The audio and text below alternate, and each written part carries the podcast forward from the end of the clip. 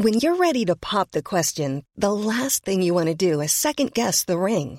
At Bluenile.com, you can design a one of a kind ring with the ease and convenience of shopping online. Choose your diamond and setting. When you find the one, you'll get it delivered right to your door. Go to Bluenile.com and use promo code LISTEN to get $50 off your purchase of $500 or more. That's code LISTEN at Bluenile.com for $50 off your purchase.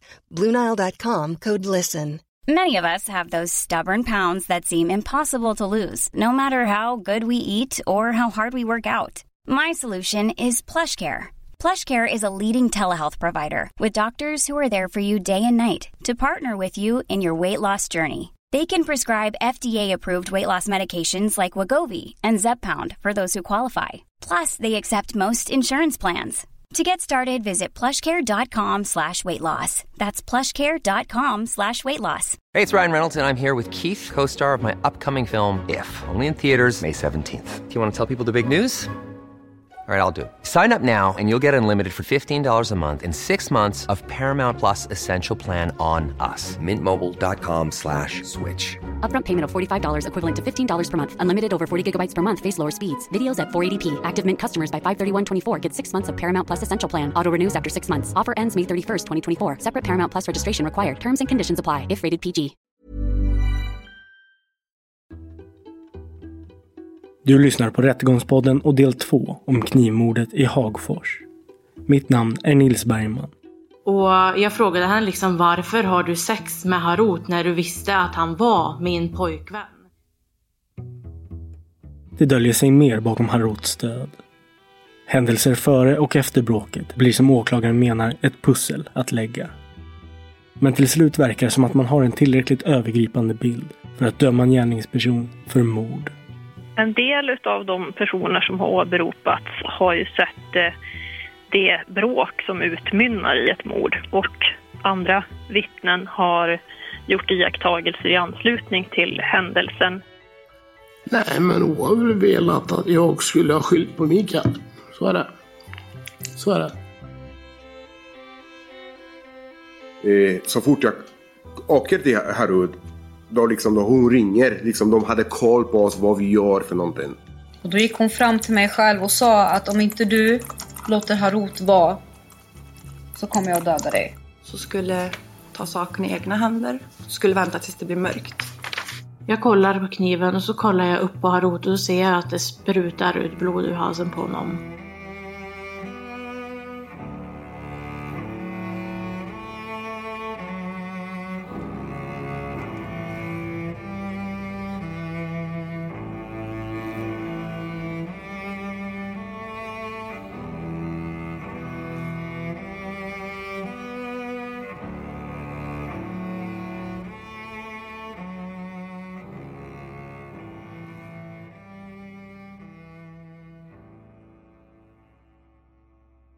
Sara och Harut hade varit tillsammans i 14 månader innan de gör slut i början av juli 2018. Enligt Sara är det hon som gör slut efter att hon fått reda på att Harut sedan några veckor tillbaka träffat en ny tjej, Denise. Under utredningen så har framkommit att Sara tagit det här uppbrottet hårt och hon har beskrivits som svartsjuk och kontrollerande. Åklagaren Rebecca Hellgren tycker att utredningen visar på att det är ett svartsjukedrama som ligger bakom mordet på Harut som alltså äger rum en vecka efter uppbrottet. Så här lät det i den sakframställan hon höll i Värmlands tingsrätt i slutet av 2018. Den närmsta tiden innan mordet har Sara bland annat tagit kontakt med Denise, både per telefon men också sökt upp henne i hennes hem och uppmanat henne att hon ska sluta umgås med Harut och att hon annars skulle komma att få problem. Sara har vid de här tillfällena pratat om Harut så som sin pojkvän. Hon ska även ha spionerat på Harut och bett bekanta hålla koll på honom för hennes räkning. Nattetid har hon i vart fall vid ett tillfälle uppehållit sig utanför Denis bostad när Denise och Harut har varit där. Skickat sms till de båda, kastat sten på rutan och även påföljande morgon uppehållit sig utanför bostaden när Harut och Denise kommit ut. Sara Fransson har också gått till fysiskt angrepp mot Denise kvällen den 19 juli. Den händelsen kommer vi återkomma till i åtalspunkten 2. Sara Fransson har också gjort upprepade försök att få polisen intresserad av Denise och Harut. Bilden av Sara som svartsjuk växer sakta men säkert fram. Och under sms-konversationer med kompisen Tove framgår att Sara har spionerat på Harut. Eh, och när jag läser de meddelandena så får jag uppfattningen att eh, Sara var ute och spionerade eller följde efter Harut. Ja. Vad vet du om det? Mm, hon gjorde det. Ja. Och vilket syfte då? Hon ville veta vart han var och vad han gjorde. Varför vill hon veta var han, var han var någonstans och vad han gjorde? Eh, jag vet inte. Hade det med Denise att göra? Ja. Vill hon veta ifall han var med Denise? Ja. Hur kände Sara inför det? Harut och Denise och deras... Hon var väl ledsen och arg. Ja. På vilket sätt visade hon att hon var ledsen och på vilket sätt visade hon att hon var arg? Hon, alltså hon var ledsen och grät ju. Och arg. De... Hon var arg bara. Mm. Att bli arg när man får reda på att man blivit brädad av någon annan är kanske inte så konstigt. Men utredningen visar också på att Sara har något av ett våldsamt förflutet. Och Harots målsägande beträde frågar Tove hur Sara blir när hon blir arg. Mm. Hon blev väldigt arg. Vet du vad hon kan göra när hon blir arg? Mm. Nej. Kan hon slåss när hon blir arg? Ja. Även andra i Saras närhet, som hennes mammas granne Anneli, instämmer i att Sara kan bli riktigt förbannad. Jag vet inte vem då, men det var en och ska misshandla eller slä någon tjej förut tror jag. Ut på, ja, jag var inte med så då, men att då, ja, inte hett temperament ska man inte säga, men om hon blir förbannad så blir hon förbannad liksom på, ja, svårt att hejda så kanske. Harots kompis Daniel får frågan om vad han tror var upptakten till bråket. Och han tycks vara klar över vad det bakomliggande motivet är. Eh, svartsjuk drama. Eh, eh, hon sa att det är ingen som ska ha Harut eh, om hon ska inte ha honom. Daniels fru stod Sara nära och han har genom deras förhållande förstått att Sara försökte hålla ständig koll på vad Harut gör och vilka han träffar. Eh, så varje gång när jag eh, åkte till Hackfors eh, de hade så här deal, hon, Sara och min fru. Så fort jag åker till Harud, då liksom då hon ringer, liksom de hade koll på oss vad vi gör för någonting. Så, så ja, det är därför jag vet från min fru att ja, hon liksom berättar eh, till henne allt. Harut förekommer inte tidigare i brottsregistret, men han är inte Guds bästa barn själv, enligt Sara. Vi hör en familjevän till henne. Ja, han hade, han hade varit dum mot Sara förut och allting. Det har Sara berättat många gånger till mig att han har varit dum mot henne och slagit henne och så här. Det vet jag ju. Nej, det slagit det? Slagit henne ja. Nej, men då stannar jag där tack. Har en kompletterande Jag var tidigare inne på hur, hur du uppfattade Saras svartsjuka. Hon ville ha Harut. Och då, då, då, jag tror inte att, att hon ville att ni skulle ha honom. Nej. Jag vet inte riktigt. Jag, jag tycker att Sara har varit så att hon, hon var väldigt förälskad i Harut så här. Och allt så. Det, det, det är det jag kan säga tror jag. En av Saras kompisar, Diana, minns tillbaka till en detalj som hon vid tillfället inte la någon större vikt vid, men som i efterhand får en större betydelse. Ja, alltså det, var, alltså det är ju det är ingenting som jag, som jag tog på allvar då, men det var när vi var på... Alltså vi gick typ promenad varje dag runt Hagfors liksom och, och så såg vi väl Harut på cykel och så... Och så... Och så typ han, han skrattade oss när vi, när vi kom liksom och, och då... Ja, när han hade cykel förbi så sa hon väl liksom att Tänk om jag, gud tänk vad gött det skulle vara om jag hade en kniv just nu vad jag skulle kunna göra då och sen så bara nej alltså jag skojar bara så. Det var ingenting, vi skrattade bort det liksom. Det var ingenting, ingenting som jag tog så. Tänk vad gött det skulle vara att ha en kniv just nu, ska Sara vid ett tillfälle ha sagt när hon sett Harut cykla förbi. Men inte alla i Saras närhet håller med om beskrivningen om Sara som ovanligt svartsjuk. Vi hör kompisen Jolin som utfrågas av Saras försvarare Robert Helenius. Det har ju påståtts att Sara är väldigt svartsjuk. Vad har du att säga om det? Det stämmer inte. Det, ja, svartsjuk, det tycker jag att... Alltså, jag kan också vara svartsjuk till exempel, men det är inget sjukligt svartsjuk eller så. Utan det är ingenting som... Inget konstigt så. Den nya tjejen Harut träffar i början av sommaren 2018 är alltså Denise. Ja, Denise. Vilken relation hade du till Harut vid den här tidpunkten? Vi var tillsammans. Trots att Hagfors är en liten ort och att Sara och Denise vid tillfället bor väldigt nära varandra så har de aldrig umgåtts med varandra utan känner bara till varandra ytligt. Men efter att Denise inleder ett förhållande med Harut blir hon väl införstådd i vem Sara är. Vi hör Denise. Vilken kontakt har du haft med Sara? Hon har kommit utanför mitt hem på natten. Ehm, jagat oss. Kastat sten. När du säger att hon har jagat er, kan du berätta hur det gick till? Eh, ja, Harut och jag, vi var hemma hos mig. Ehm, sen så, ja, han sov hos mig under natten och sen på morgonen när vi skulle gå hem till han så hade Sara suttit utanför och väntat hela natten på att vi skulle bli klara. Och när vi går ut och får- hon får syn på oss så börjar hon att jaga oss. Ehm, och då springer jag och Harut in till hans lägenhet.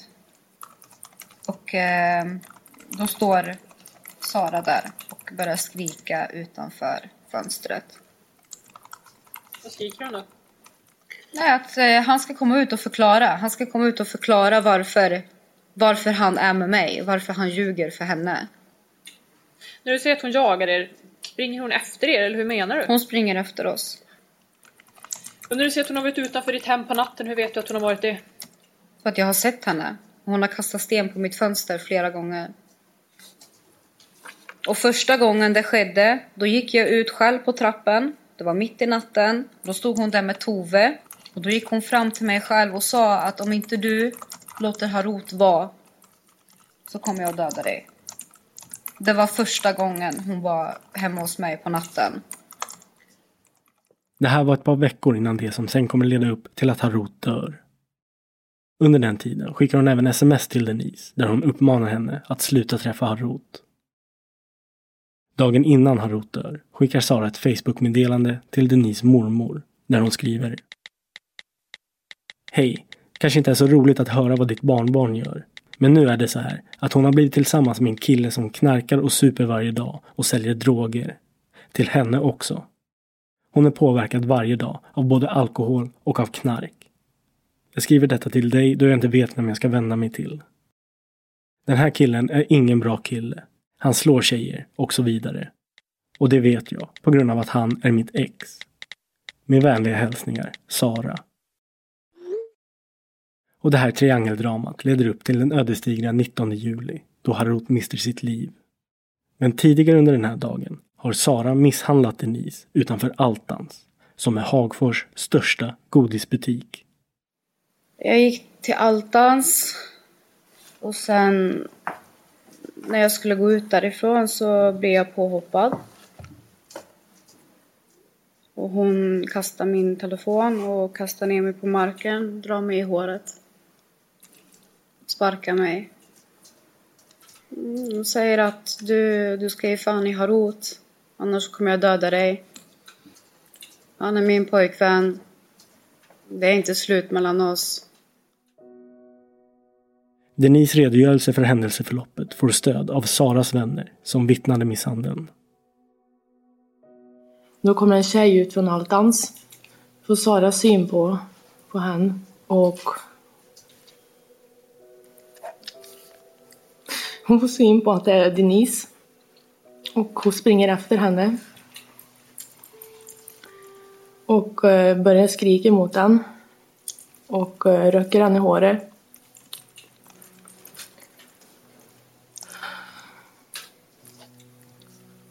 Och sen slår hon ner den i backen och sparkar den.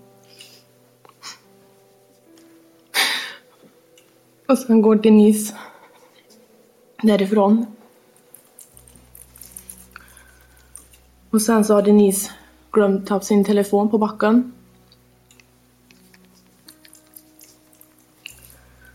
Och då tar Sara upp telefonen och säger att här är din telefon. Så kastar hon i backen. Så hämtar Denise telefonen så går hon därifrån.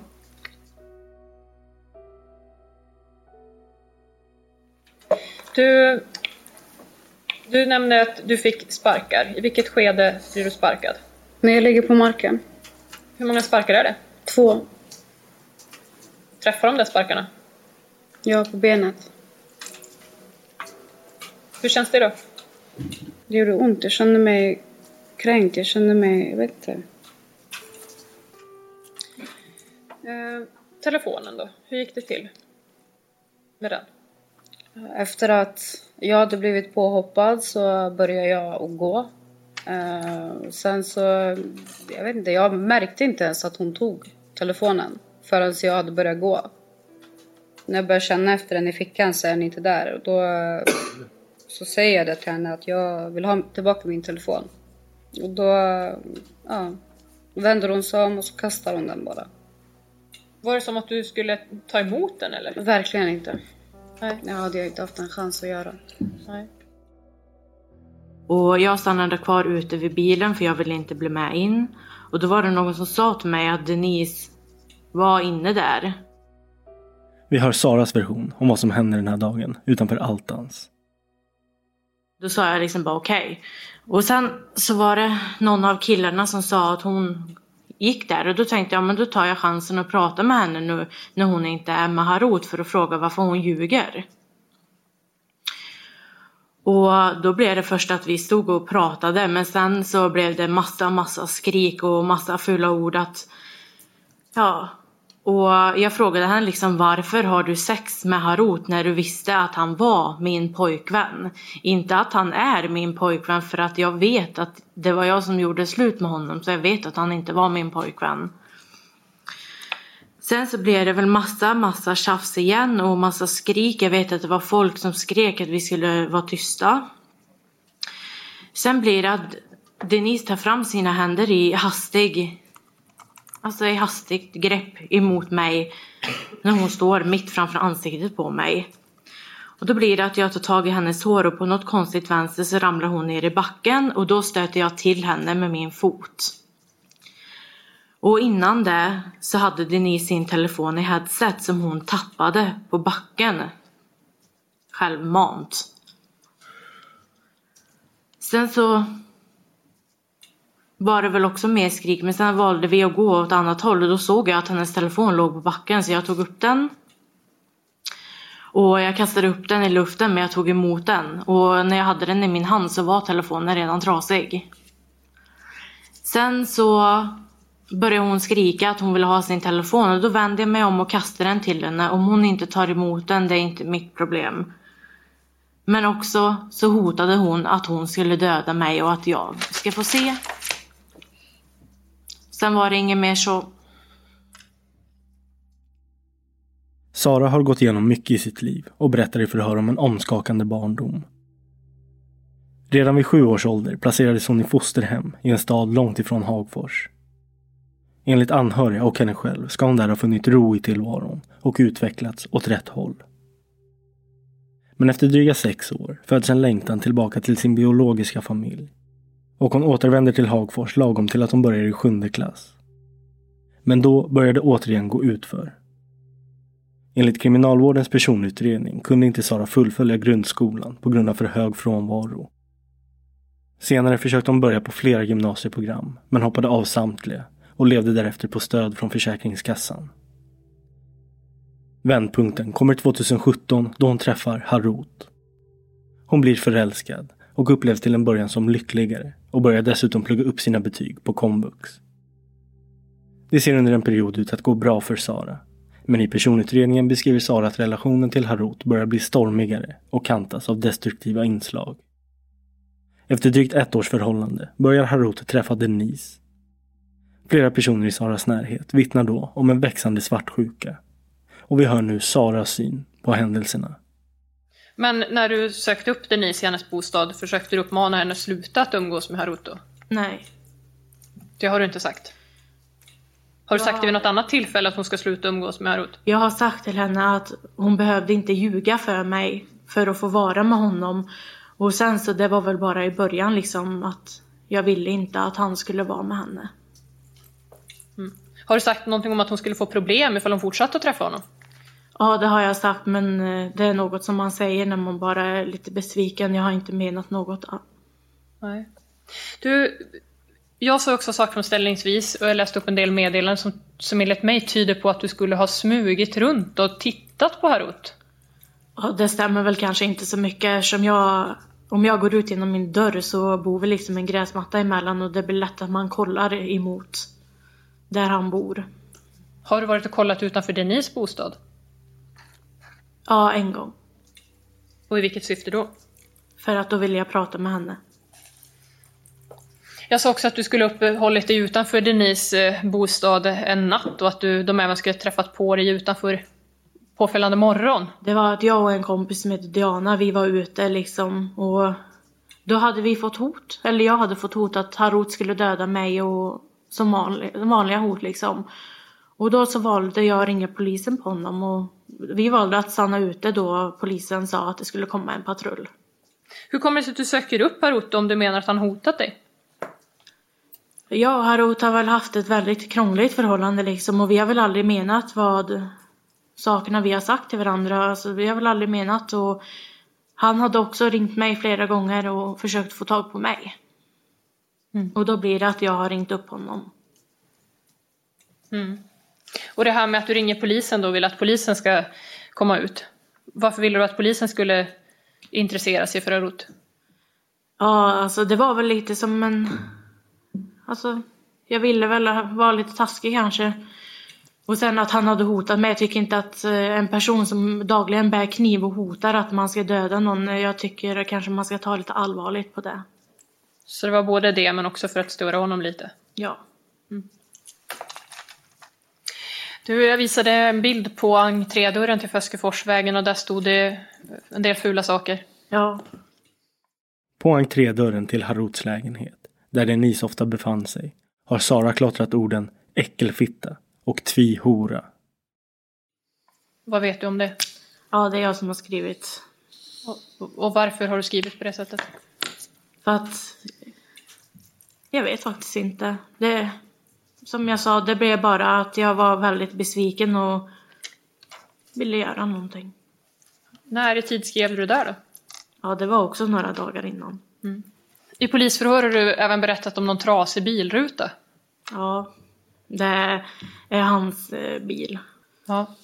Det var väl också att vi hade varit på en fest på en pub, pizzeria som heter Milano. Och då hade det varit en annan kille som kom fram och pratade med mig. Då hade, blev Harut svartsjuk och väldigt arg på mig. Och då var också Daniel med. Och de, var, de gick hem till Khalil och Haruts bostad och jag ville prata med Harut för att jag tycker att bara för att en annan kille pratar med en så betyder det inte att man har någonting med den killen liksom. Men då hotade han också mig som sagt att han skulle slå mig och att jag var massa fula ord. Och då blev jag arg så att jag tog ett stolsben och slog på baksidan eller på bakrutan. Men det blev ett litet hål men under vintern så har snön gjort så att det har gått sönder mer. Mm. Du, den 19 juli. Mm. Vi återkommer nu till kvällen den 19 juli, då bråket uppstår. Sara har redan gett en spontan version om vad som hände, men åklagaren Rebecca Hellgren har frågor. Hon börjar med att fråga hur det kommer sig att Sara och hennes vänner först hamnar utanför Denise bostad. Någon timme innan så hade vi pratat om att han sa att jag var hans flickvän och att eh, vi skulle prata hemma hos mig och så. Men då såg jag honom i fönstret hemma hos Denise så då valde jag att ringa honom. Och då var det han som bad oss att komma och ställa oss utanför Denise bostad. Varför skulle ni göra det? För att han hotade oss. Och han ville väl ha bråk. Han ville att vi skulle komma utanför. När Harut hotar dig då och vill att du ska komma dit, av vilken anledning åker ni dit då?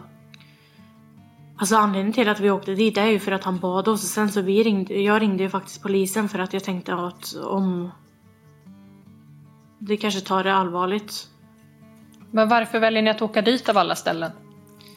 Ja, det vet jag faktiskt inte. kan jag inte svara på. Nej. Du har ju berättat sen eh, att du går till Föskeforsvägen. Mm. Hur kommer det sig att Micke blir med? Eh, det visste jag inte först men det måste ha varit min mamma som har bett honom att gå med. Har du frågat Mikael ifall han vill följa med dig? Nej. Mikaels uppgifter om vem som först ber honom följa med Sara är lite oklara.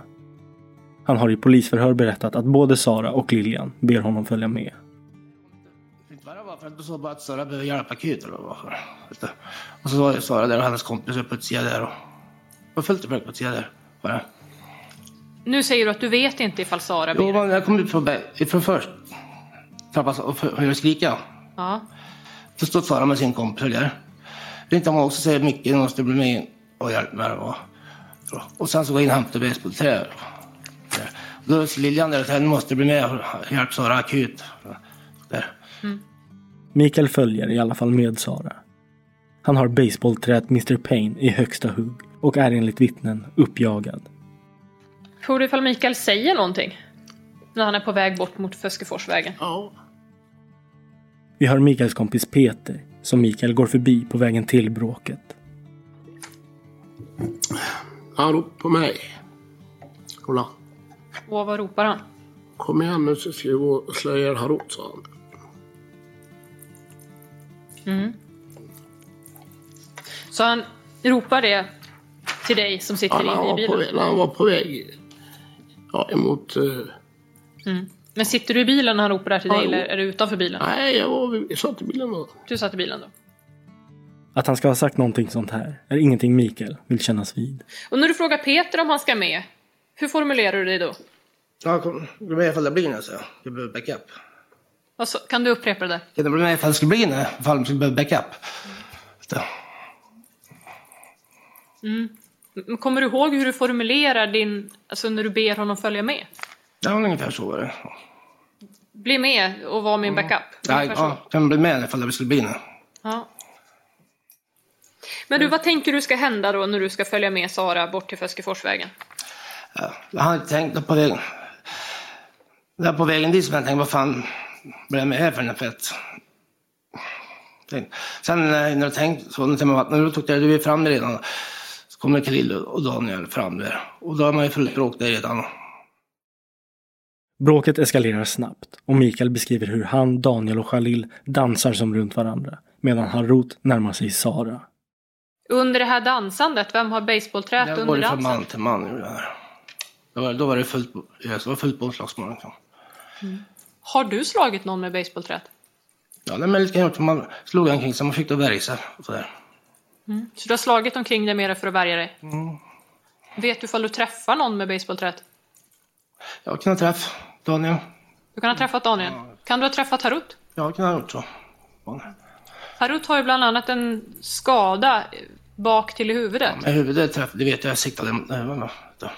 Vad sa du? Eller huvudet vet jag, det har jag inte slängning i alla fall. Du har inte slagit dig i huvudet på honom? Nej, för att det var en del tid sedan när jag slog där så slog man i den här höjden. Vet du. Ja. Rättsläkaren menar att Haruts skada på bakhuvudet är svår att uttala sig om. Det är svårt att bedöma om skadan orsakats genom fall eller genom våld och hon kan inte utesluta någon av dessa möjligheter. Om skadan har orsakats genom fall så kan den ha orsakats utan att det har varit några kanter som huvudet slagit i. Skadan på huvudet har inte orsakat några underliggande skador på skallen eller andra delar av huvudet. Mikael berättar hur han under bråkets gång får ett slag på armen och han segnar ner på backen. För att ta sig upp igen blir det så att han tar tag i Haruts kläder och upptäcker då att Harut verkar kraftlös. Och Mikael berättar hur han i samband med det hör Daniel ropa Harut, Harut samt att någon skriker Micke, Micke, han har blivit knivhuggen. Vem är det som säger det här Micke, han har blivit knivhuggen? Det var en kvinnoröst bara. Jag är 9% säker på att det var Sara, men jag kan inte säga säkert. Du förknippar den med Sara? Ja, men jag kan inte säga säkert. För det var bara vi som var där. Ja. Så. Ska jag förstå som att du ser aldrig var Harut är skadad? Nej, inte då. Nej, det blev inte. Nej. Men han tror att de måste sortera på den här stället för smält blod.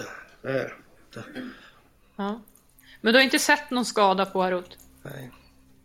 Och du har inte sett att han blöder utan det du ser är att du har blod på dig? Ja, Har du sett någon kniv på platsen? nej, jag såg ingen kniv alls. Jag stämplade fast en kniv där. Nej. Kan du svara på vem det är som har huggit Harut i halsen? Nej, det kan jag inte, för jag såg aldrig att han blev igång. För att låg jag. Det som stod omkring mig måste ha sett. Jag såg nog minst av allt upp hur det gick till. Vi återgår nu till Saras berättelse. Du, vad är din del i det som hände på Föskeforsvägen? Min del är väl bara att jag försökte rädda livet på honom. Det är min del. Du berättar att eh, Harut kommer ut Ja. och att han ger sig på dig. Ja. Har du berättat om det för polisen vid samtliga polisförhör? Ja, först så var det, här mindes jag inte, men sen så efter ett tag så kommer jag ihåg då det är mycket att ta in efter ett sånt här tak. Du beskriver nu när du berättar om det att eh, du beskriver Haruts blick och säger att den är otäck. Ja, Hur kan du då glömma den omständigheten? Att han ger sig på dig? för att det är mycket saker jag fick ta in. Ja, det är inte varje dag man försöker rädda livet på någon. Nej, det hålls ju tre förhör med dig. Och en bit in i det fjärde förhöret, det är först då som du berättar att Harut skulle ha gett sig på dig. Ja, som sagt, jag mindes inte allting. Nej. Kan du beskriva då när den där kniven, vad som, vad som, händer, vad som görs med kniven och, och vad som sen händer med den? Sara menar att Harut har med sig kniven ut och att han tar ut den ur knivslidan när han är utanför porten och kastar knivslidan åt höger så den hamnar vid ett par tujor uppe vid trottoaren. Ja, jag vet ju inte riktigt vad som händer i situationen då där han blir skadad. Men jag vet att när den landar på backen så kollar jag på kniven för man hör hur den landar på backen. Jag kollar på kniven och så kollar jag upp på Harut och ser att det sprutar ut blod ur halsen på honom. Hur nära dig hamnar kniven? Den är på trottoaren så det är tre och en halv steg ifrån mig kanske. Hur ligger kniven i förhållande till knivslidan? Den ligger närmare ut mot vägen än vad den ligger mot fodralet. I polisförhör säger du att du ser att kniven är blodig. Ja, det är något man ser när man tar upp den. Ja. Så det är först när du tar upp den som du ser att den är blodig? Ja, man ser att det är blod på den. Och när du tar upp kniven då, vad gör du med den? Då tar jag sen upp fodralet och så stoppar jag kniven i fodralet och så kastar jag den bakåt. Så du tar först upp kniven och sen tar upp fodralet? Ja.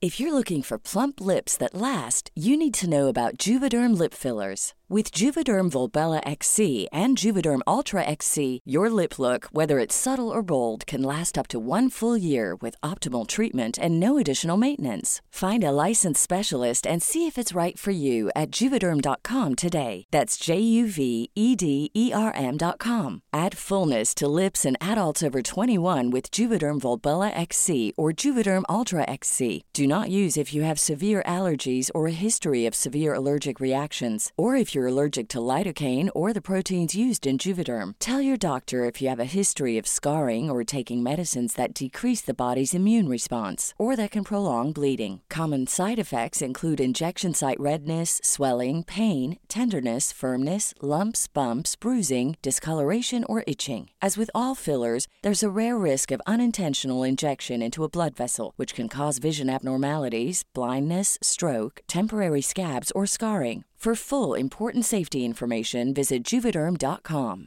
Hiring for your small business? If you're not looking for professionals on LinkedIn, you're looking in the wrong place. That's like looking for your car keys in a fish tank. LinkedIn helps you hire professionals you can't find anywhere else, even those who aren't actively searching for a new job but might be open to the perfect role. In a given month, over 70% of LinkedIn users don't even visit other leading job sites. So start looking in the right place. With LinkedIn, you can hire professionals like a professional. Post your free job on linkedin.com slash people today. Hey, it's Ryan Reynolds, and I'm here with Keith, co star of my upcoming film, If, only in theaters, May 17th. Do you want to tell people the big news?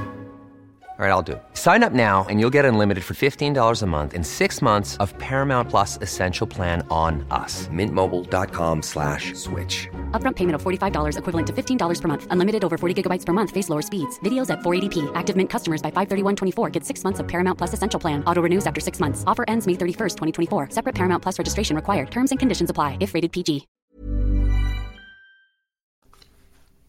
Av vilken anledning bemödar du dig att sätta ner kniven i fodralet?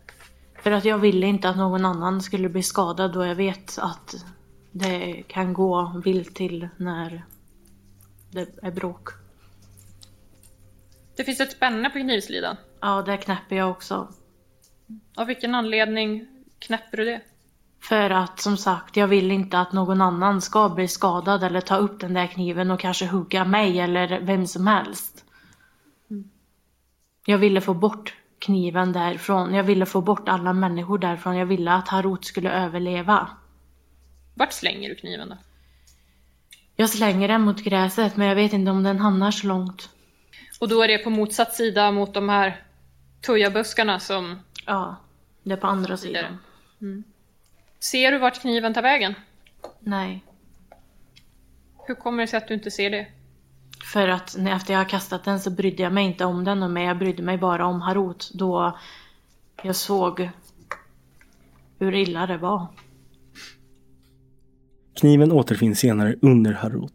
Och Mikaels försvarare frågar Sara hur det kommer sig att kniven inte hittas där hon påstår att hon har slängt den. Det verkar som att du kastade iväg en skaplig bit, är det så? Ja, jag vet inte vart den hamnade. Nej. Det märkliga är, jag vet, kanske inte du vet, men kanske har en kommentar att åt det hållet du kastar kniven är inte det man hittar kniven. Nej, det har jag utan, utan kniven den vet man att den hittas under Harut, Ja. den döda kroppen. Har du någon kommentar eller förklaring på det? Nej. Jag undrar också hur den hamnade där. Ja, för du kastade ju inte mot Harut, Nej. säger du. Nej, du vet det.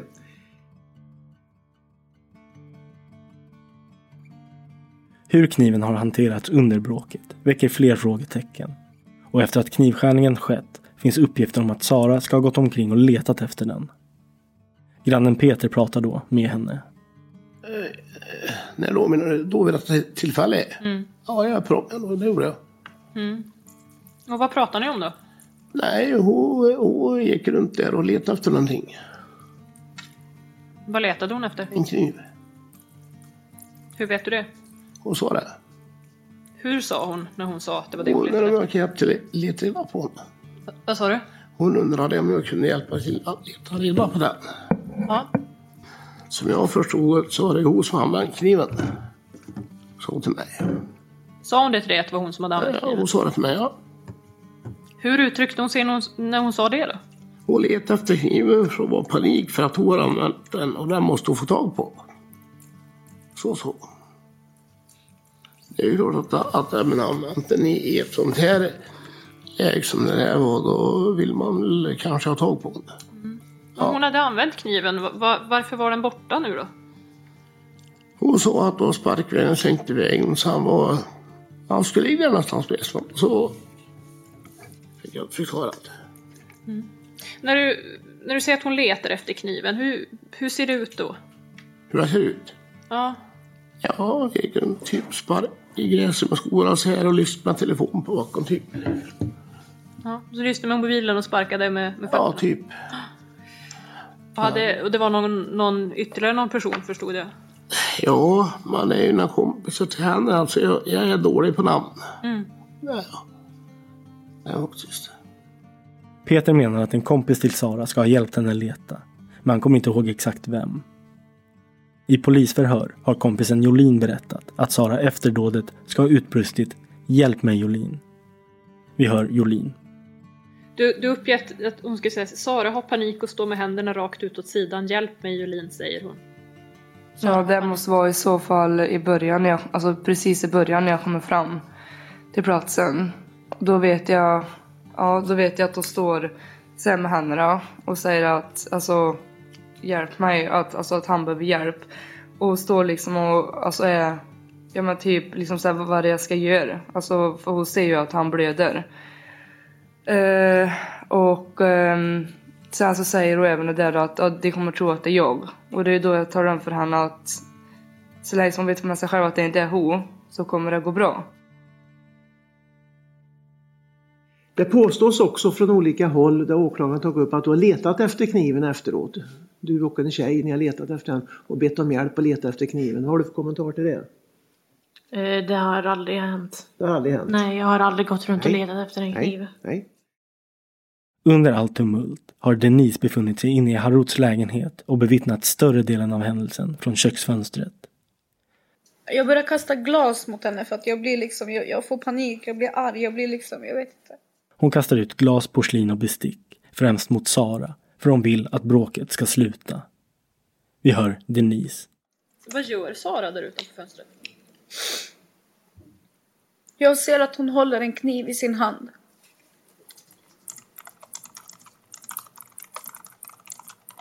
Vad är det för en kniv? Jag vet inte, vanlig liksom. Vanlig kniv, jag vet inte. Är det... Vad kan man använda den där kniven till? Precis det de använder den till. Ja. Mm. Jag tänker så här, är det... Är det en kniv man har i köket? Är det en kniv man har i garaget? Är det, vad är det för kniv? En vass! Mm. Mm. Det, det är det du kan säga Jag, om vet, kniven. jag vet inte vad det är för typ av kniv. Nej. Hur håller hon den där kniven då? Hon står och håller den så. Mm. Och kan du förklara spetsen på kniven? Ut vilket håll pekar den? Framåt, alltså mot, mot dem. Mm. Håller hon kniven ner mot benet eller upp i luften? Uppe i luften. Men stannar hon kvar på den platsen då?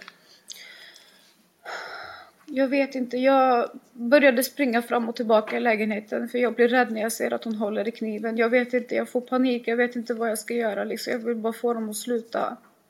Allting gick så snabbt. När jag är i hallen så hör jag att någon skriker på utsidan och då springer jag tillbaka till fönstret. Och då ligger han där. Mm. När du ser Harut ligga där då, hur, vad är runt omkring honom? Jag vet inte. Alla bara gick runt, jag vet inte. Mm. Vad ser du av Harut då? Jag ser att han ligger mitt på vägen bara. SOS 112, vad har inträffat? När Denise upptäcker att Harut är skadad grips hon av panik och låser in sig på toaletten och ringer 112. Hej, vi behöver en ambulans. Mm, vilk, vilken kommun är det här? Alltså vi har Hagfors kommun på Gärdet, på Gärdet. Det är en, en man som har blivit misshandlad. Vi tror att inte att han lever längre. Personen är misshandlad. Personen är misshandlad, han är knivskuren. Okej, du vet att han är knivskuren? Ja. Ja. Och såg du att han blev det också? Vad sa du? Såg du att han blev misshandlad och knivskuren? Jag såg att han har blivit misshandlad men inte att han med knivskuren. Hur vet du att han är knivskuren då? Därför att jag såg att det är blod överallt och tjejen som var med hade en kniv med sig. Så jag misstänker att det är det.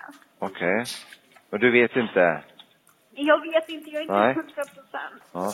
Denise, ser om personen rör på sig? Nej, jag ser ingenting. För jag Du har ser gått ing- på toan och gömt mig för att de är efter mig också. Är de, är de efter dig också?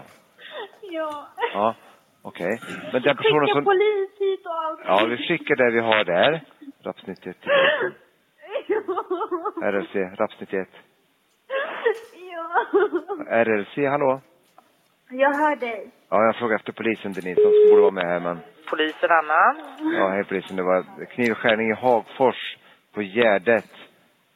Vid ambulansväg. En man som misshandlad och eventuellt knivskuren ligger livlös på marken. Hör du polisen där? Hallå polisen? Förlåt, det var polisen här. Det kom emot eh, mute-knappen. Ja. Livlös Det är man, en knivskärning i Hagfors på Gärdet. Mm. Vi är på väg där De- Denise. Ja. Det ska, det ska vara Föskeforsvägen 6 tror jag det kan vara. Vad sa du? Föskeforsvägen nummer 6. Utomhus? Utomhus ja, får ligga på gatan. Denise. Denise. Vi är på väg. Helikoptern också. Ja, jag ska dra dem. Denise. Ja, vi är på väg där. Hör du det? Ja. Vet du vilka det är som har knivskurit honom? Sara Fransson. Är det Sara som har knivskurit? Jag vet inte om det är Sara Fransson som har gjort det, men hon är inblandad. Okej.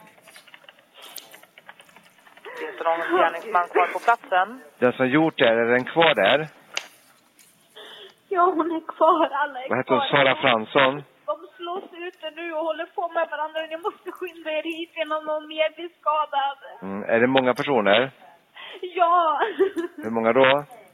Sju, åtta, nio personer. Skynda er. Ja. Vi är på väg där. På två ambulanser då. Två ambulanser. Vi skickar på flera polisbilar också inifrån. Ja, polisen kommer också. En patrull på väg, flera blir beordrade nu. Vart är, det, vart är den bilen på väg? Eh, vi ska se, den första som jag redan hade beordrat, de åker från Sunne. Ja. Uh, men det kommer ha från Karlstad också. Mm. Denise? Denise? Denise? Ja, men han är död. Ja. Denise? Denise? Ja. Du säger att de är ute efter dig också? Ja. Ja. Varför är de det?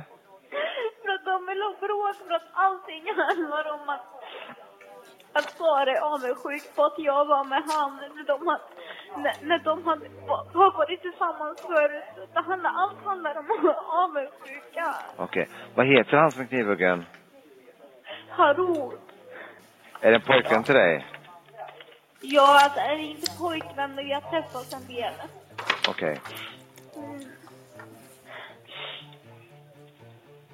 Så jag är jätteorolig, jag kan inte göra någonting.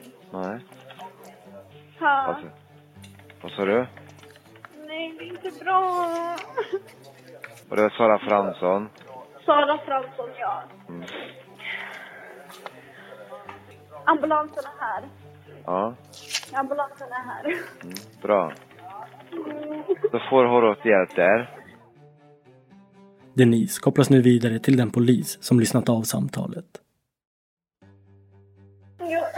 Denise, såg du när knivskärningen skedde? Denise, det är jätteviktigt att du berättar de här sakerna för mig nu. Denise, det är jätteviktigt. Försök andas. Denise, Denise, Denise. Lyssna på mig nu. Det här, om vi ska få tag på gärningsmannen, och det vill ju du, eller hur? Så försök andas och ta ett par andetag och prata med mig nu. Så behöver jag veta, såg du när det här hände? Nej, jag såg inte Inte heller Denise ser det dödliga hugget. Just då var hon i en annan del av lägenheten. Inget vittne tycks således ha sett hugget utdelas. Men under förhör med vittnen om vad som sker efter händelsen framkommer intressanta uppgifter. Vi hör Saras kompis Angelica. Och då går Lilian dit och vi står fortfarande kvar. Och Jolin går lite längre fram och jag och Amanda står kvar. Jag ser att folk i fönstret fort skriker och sen ropar Sara ringer ambulans. Vi har gjort någonting jag aldrig trodde jag skulle göra. Angelica hör Sara säga ring ambulans. Jag har gjort något jag aldrig trodde jag skulle göra. Och fler vittnen hör liknande utrop. Sen hör jag någon som ropar och säger att mamma, mamma, ring efter polisen för jag har gjort mitt livs misstag. Det är det liksom något som har satt sig mitt min mest. Mm. Det ropas flera gånger. Eh, var det, är det en kvinnoröst eller en mansröst som ropar där? Mm. Känner du igen rösten?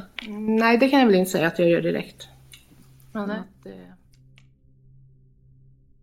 Vid kvart över tolv, minuterna efter att bråket ägt rum, ringer en kvinna vid namn Nadja upp sin man som jobbar på en restaurang nära Gärdet. Han har nu tagit sig till platsen där bråket ägt rum och Nadja hör då att det är skrik i bakgrunden. Sara är barndomsvän med Nadjas syster så Nadja känner därför igen Saras röst. Nadjas man berättar att det har varit bråk och att en kniv varit inblandad. Nadja ber då att få prata med Sara. Och vad säger Sara till dig då? Då sa jag till Sara, hej Sara, det är Nadja. Berätta för mig vad det är som har hänt. Och under den tiden så gråter hon och är upprörd och skriker, han dör för mig, han dör för mig. Och då sa jag, ta det lugnt, berätta för mig vad det är som har hänt. Och då sa hon det att Harut och jag har bråkat ikväll och vi har bråkat under hela veckan. Eh, rätt som det är så kommer min granne och lägger sig i. Och sen har jag en kniv i handen helt plötsligt som jag kastar ifrån mig och så ligger han där. Mm. Och då sa jag, vem knivhögg Harut? Då sa hon det, jag vet inte, jag vet inte. Rätt som det är så har jag en kniv i handen som jag kastar ifrån mig och så ligger han där. Och sen sa jag, vem tog du kniven ifrån? Vem fick du kniven ifrån? Jag vet inte, jag vet inte. Efter att de lagt på berättar Nadja för sin syster Valentina om vad som har hänt. Och hon ringer då upp Sara. Vi hör Valentina.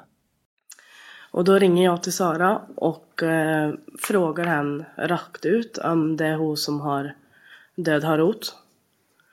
Och då när jag säger det så liksom får Sara panik eller blir upprörd och säger liksom nej, nej, hur kan ni tro det?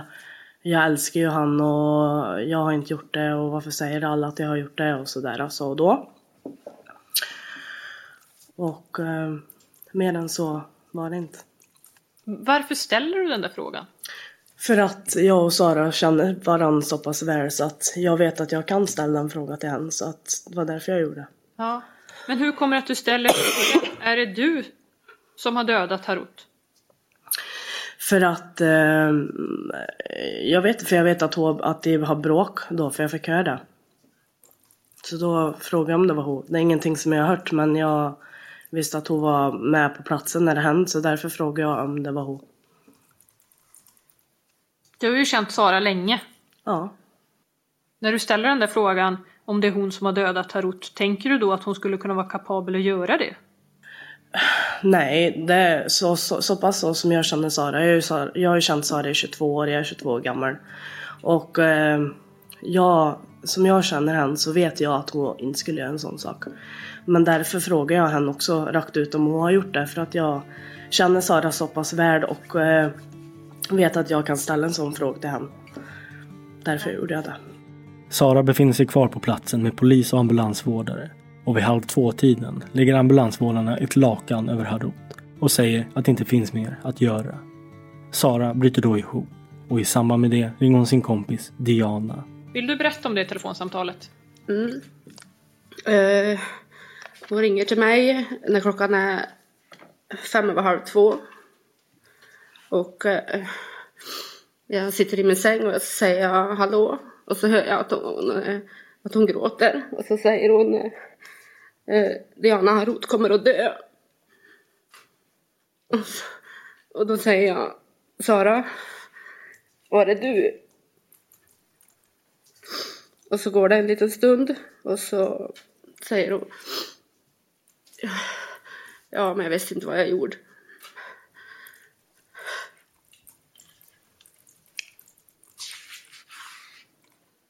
Mm.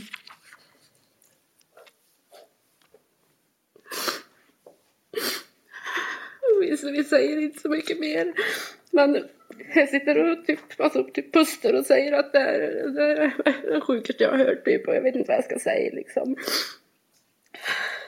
Och hon säger ingenting mer utan vi, alltså hon gråter och, och gråter och gråter liksom och sen så så hör jag bara att hon liksom att hon börjar och gråta, alltså typ och skriker, gråter hysteriskt liksom och då och då tar eh, Eh, Jolin hennes telefon och säger att eh, nu ropar de här att han, eh, att han, att han dör nu.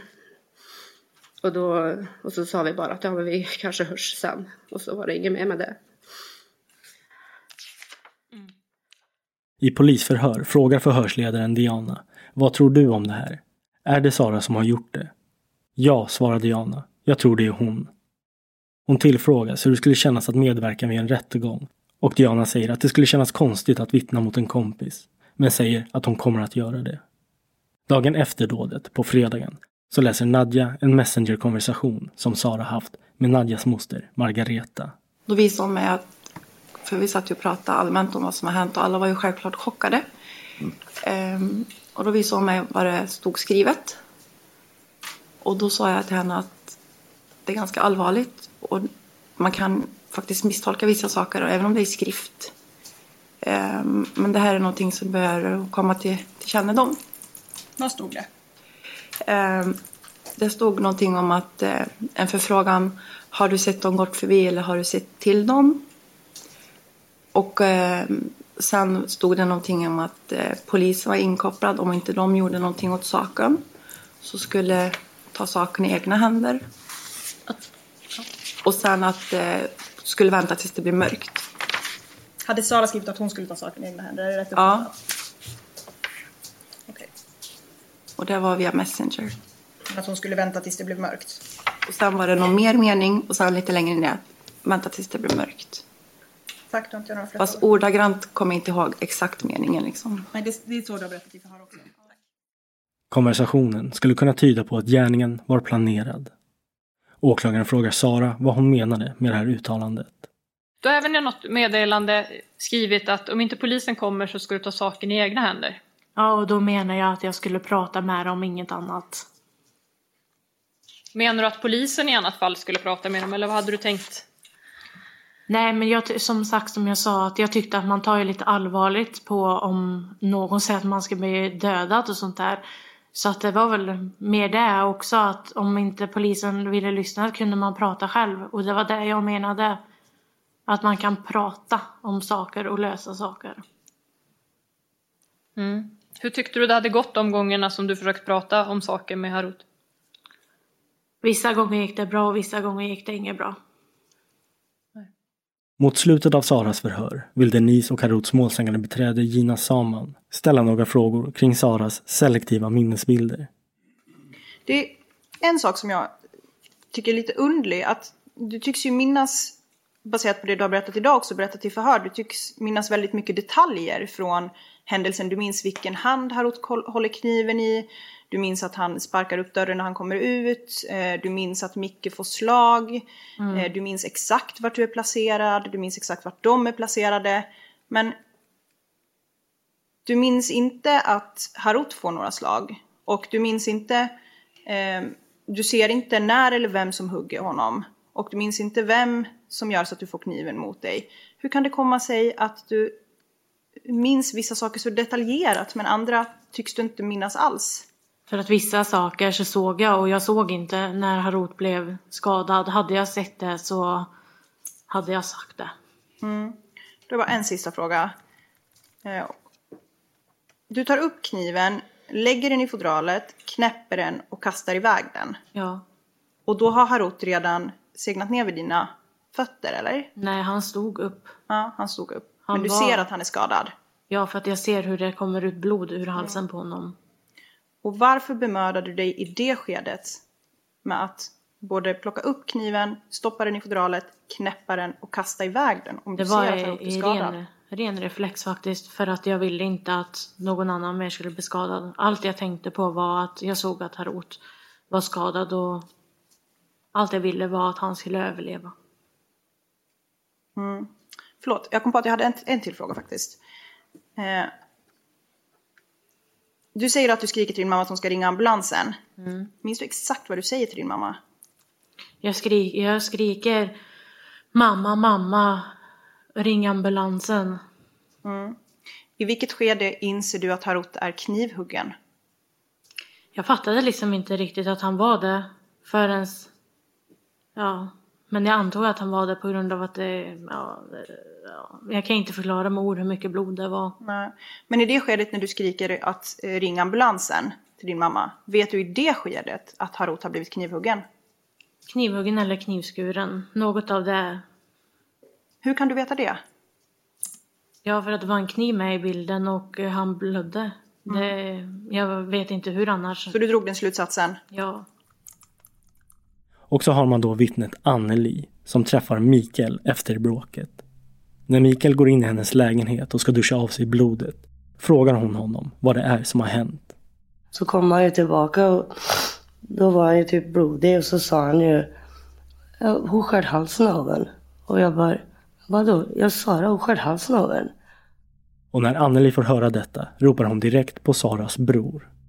Ja du måste komma liksom för att Ja Sara har ju tydligen skärt halsen av Harut liksom. Och då kom han ju. Så gick, stack vi lag bort dit. Och då sa han ju när han kom dit Bra Sara, vad fan har du gjort? Och då sa ju hon att Nej men sh, de vet inte att det är jag sa hon typ. Och då blev jag ju tyst så här och sen Ja, jag vet inte, försökte jag höll Sara bort från Harut för att Lilians mamma hennes sa ju det ta bort Sara härifrån för hon var ju hysterisk då liksom. Ja.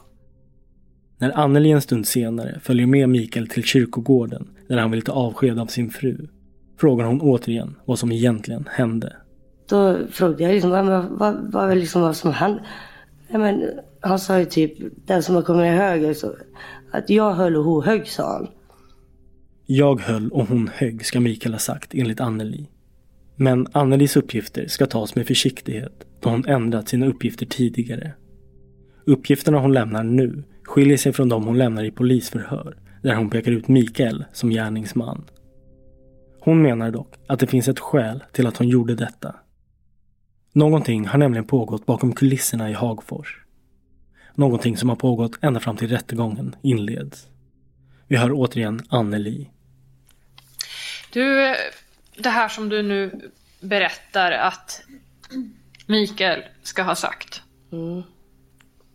Har du berättat det för polisen eh, från början? Nej, från början sa jag inte. Nej. Men, eh, ja. Vad sa du från början?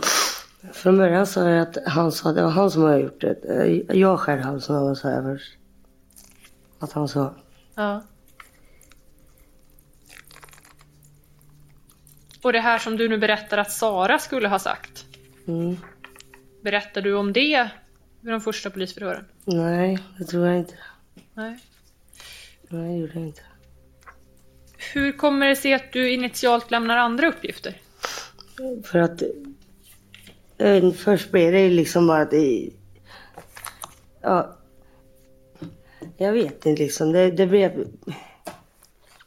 jag visste inte liksom vad jag skulle säga för att Peter sa en grej typ så här och då blev det som att jag, jag bara, ja, höll ju med, eller jag, vad ska man säga, men sen så kände man ju ändå det liksom att man fattar ju att man skulle säga som det är liksom till slut men då när man ljög om det en gång typ kändes det ju som att ja, jag kan ju lika gärna ljuga nu när jag säger det andra liksom. Så det, jag vet inte, jag fick panik liksom bara.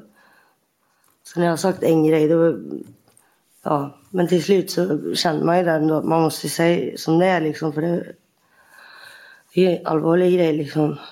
Mm. Var du rädd att inte bli trodd ifall du ändrade dina uppgifter? Ja, Är det någon som har försökt påverka dina uppgifter? mamma till Sara har ju skickat sms och ringt och typ när jag varit till lägenhet så har det varit jag kom och pratade med mig och frågade vad jag sagt till Fröra och hit dit så här för att hon visste ju hur det har gått till liksom. Men då vill hon höra så att jag inte har sagt så utan jag har sagt ja att jag liksom skulle skydda Sara då liksom. Så Du säger att Saras mamma visste hur det hade gått till. Hur vet du att hon vet det? Jo, för att hon, hon pratade med mig om att liksom... Jag frågade vad jag hade sagt liksom. Så här. Jag vet att hon visste det. Jag vet inte ja, hur hon grep på det liksom. Men mm, bror till Sara visste det. Så jag vet inte ifall han har, ja, har sagt det eller ifall Sara har sagt det eller... Men eh, hon visste ju att, att, eh, vi, att jag och Peter ljög först liksom. Och det tror hon väl än att vi ja, ska göra, tror jag. Mm. När hade Lilian senast kontakt med dig? Hon skickade sms jag tror det var två dagar sedan, eller en dag sedan. Det talade jag om för poliser. Alltså det fick jag ta kort på det smsa och så. För då skrev jag ju typ, ja, frågade ifall att eh, jag och Peter var rädda och att vi var feg och att eh, typ ja, i rätten så skulle jag säga som det var. Typ hon skulle ringa advokaten typ och ja, ljug inte och sådana grejer skrev hon typ och ja, jag vet inte. Och skrev att poliser är ute kanske lite efter eh, dig och Peter liksom och sådär höll hon på. Jag vet inte men jag, jag skrev typ bara ja men vi, vi har väl inte diskuterat, vi ska inte prata om det där liksom överhuvudtaget. Tack, jag stannar där. Annelies sambo Peter har fått utstå samma typ av påtryckningar från Saras mamma, enligt honom. Och har också initialt lämnat uppgifter till polisen som han ändrat i rättssalen. Ha, hade det här någonting att göra med att du kände Saras mamma? Ja, kan det vara. Kan det vara? Till viss del, ja. Mm. Har du pratat med Saras mamma om händelsen? Ja. Vad har ni sagt till varandra? Nej, men hon har väl velat att jag skulle ha skyllt på Mikael. Så är det. Så är det. Och Sara skulle jag mer eller mindre skydda det här, men säger så då. Skydda Sara? Ja. För Har hon- Mikael kunde ta på sig tyckte lillan då. Mm. Ja, så... eh, Ja, tack. Jag stannar där. Mm, Gina Såman har fråga. Ja, tack. Målsägande beträdet Gina Saman vill också ställa frågor kring vad Saras mamma sagt till Peter och Anneli. Ja, det var mer eller mindre så här, hon ville att jag ska ljuga och skyll på Mikael, även Hinnevugge, säger jag. Förlåt, jag uppfattade inte det sista. Jo. Lilian menade på att jag skulle skylla, typ, eller ja, frikänna Sara på något jävla sätt. Det där så att Mikael skulle stå för, även för knivhugget, som Sara gjorde. Och hade Lilian sagt att Sara hade utdelat knivhugget? Ja. Ehm, du har ju i och för sig någorlunda redan berättat hur, vad Lilian har gjort under förundersökningen, att hon vill att du ska skylla på Mikael så att ja, Ja, ja. Ja. Eh, hur ihärdig har Lilian varit i de kontakterna med dig? Hon höll på ganska mycket, ja. Har gjort. Extremt mycket kan man säga. Mm. Ja. På, Olika sätt. Personligen, via telefonsamtal, via mass. Vet, Även till min sambo Anneli har ju typ lagt på ganska fett då. mm. Har det varit jobbigt med Lilian? Ja. Jag har inte velat hämta posten eller någonting. Skicka andra folk för att göra det så här för att undvika och, Ja, för ibland är hon ju ganska full och så här bråkig och då så frågar jag, ja.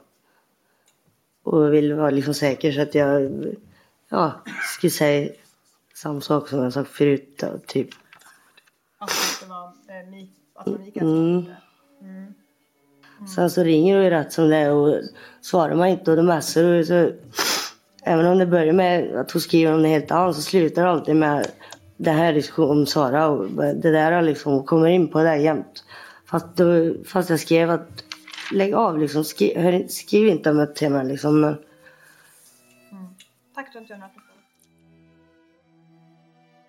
Den 12 december 2018 hålls den sista förhandlingsdagen i Värmlands tingsrätt. Bevisning visar att den åtalade kvinnans hårstrå finns på mordvapnet, kniven. Som jag redogjorde för så har hon tagit upp den här kniven när den kommit mot henne. Hon har stoppat in kniven i knivslidan och sen har hon slängt iväg den och då kan det ha fallit ett hårstrå på knivbladet då som har fastnat genom att kniven var blodig. Säger Robert Helenius. Åklagaren yrkar på fängelse för de båda åtalade. Straffvärdet ligger någonstans, möjligen något över de 14 års fängelse som är utgångspunkten eh, när man fastställer eh, påföljden för mord. Det säger kammaråklagare Rebecka Hellgren. Och tingsrätten meddelade alltså nu under eftermiddagen att de båda åtalade har släppts på fri fot i väntan på. Att Sara och Mikael, som båda varit mordåtalade, släpps på fri fot i samband med tingsrättens avslut antyder att åklagarens yrkande på 14 års fängelse för mord kommer att ogillas. och efter att tingsrätten överlagt all bevisning meddelar de den 2 januari 2019 sin dom. De kommer till beslutet att varken Sara eller Mikael ska dömas för mord. Citat. Utan att ett händelseförlopp kunnat klarläggas kan inte heller någon säker slutsats dras om Saras insikter och avsikter. Hennes agerande efter skadan och vad hon uttalat på platsen medför inte heller att det med någon säkerhet kan bestämmas vad hennes insikter och avsikter varit. Utredningen är inte sådan att det kan anses utrett att Sara agerat med avsikt. Inte ens med så kallat likgiltighetsuppsåt. Det finns inte något avgörande stöd för att Mikael i denna del agerat tillsammans och i samförstånd med Sara. Att han senare ska ha sagt att han höll och Sara högg innebär enligt tingsrätten inte ett erkännande från honom, utan detta kan endast ses som hans beskrivning av händelsen som sådan. Med tingsrättens redovisande bedömningar är åtalet för misshandel styrkt mot såväl Sara som Mikael. Av åklagarens anförda skäl ska gärningen gradindelas som grovt brott. Åtalet för mord är inte styrkt och ska därför ogillas mot båda två. Slutcitat. Sara döms alltså av tingsrätten för misshandel och vållande till annans död till ett fängelsestraff på tre år. Mikael döms för grov misshandel till fängelse i två år. Åklagaren är inte nöjd. Hon överklagar domen och yrkar på att Sara ska dömas för mord. I maj 2019 inleds hovrättsförhandlingarna. Hovrätten tar del av all den bevisning som presenterats i tingsrätten och lyssnar igenom på alla förhör. Och de kommer till en annan bedömning. Hovrätten dömer en kvinna i 25-årsåldern för mord i Hagfors till fängelse i 12 år. Hovrätten dömer också en man i 50-årsåldern till fängelse i ett och ett halvt år för bland annat grov misshandel i samma ärende. I tingsrätten så dömde han, dömdes han till två års fängelse. Hovrätten menar att mannen och kvinnan tillsammans angrep mannen i 20-årsåldern med ett baseballträ och att kvinnan högg honom i halsen med en kniv. I hovrättens dom står det att Saras uppgifter om vart hon var placerad under bråket stämmer inte överens med övriga vittnesuppgifter i målet och är inte heller förenliga med den blodbildsanalys som gjorts. Vittnen har berättat att de hörde Sara uttrycka att hon gjort något hon aldrig trodde att hon skulle göra och att hon hade gjort sitt livs största misstag. Per telefon strax efter händelsen har Sara till ett vittne sagt Jag gjorde det, men jag visste inte vad jag gjorde. Hovrätten anser inte att det finns skäl att ifrågasätta dessa vittnesuppgifter. Mot bakgrund av att Sara höll i kniven före knivhugget, hennes agerande efter att Harut skadades och avsaknaden av alternativa gärningsmän anser hovrätten att det är ställt utom allt rimligt tvivel att det var Sara som använde kniven mot Harut och orsakade den stickskada som ledde till hans död. Sara var vid gärningen besviken och arg på Harut. Som tidigare redovisats hade hon begett sig till Haruts bostad inställd på bråk. Hon utdelade hugget med viss kraft. Knivhugg mot halsen är typiskt sett förenade med livsfara.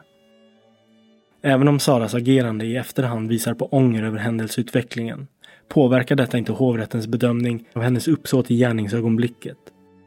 Hon ska därför dömas för att uppsåtligen ha berövat Harut livet. Vid rubriceringen av gärningen är utgångspunkten att uppsåtligt dödande ska bedömas som mord.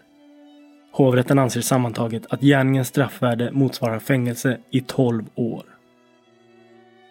Hovrättens dom meddelades den 31 maj 2019. Denna gång är det Sara och hennes försvarare som inte är nöjda.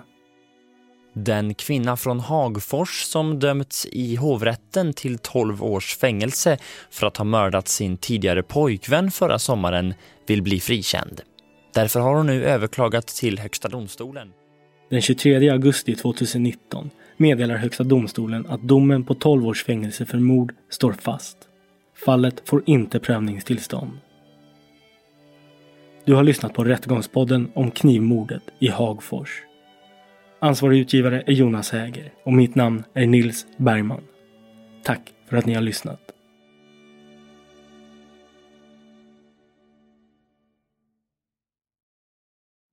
Rättegångspodden är en Tall Tale produktion.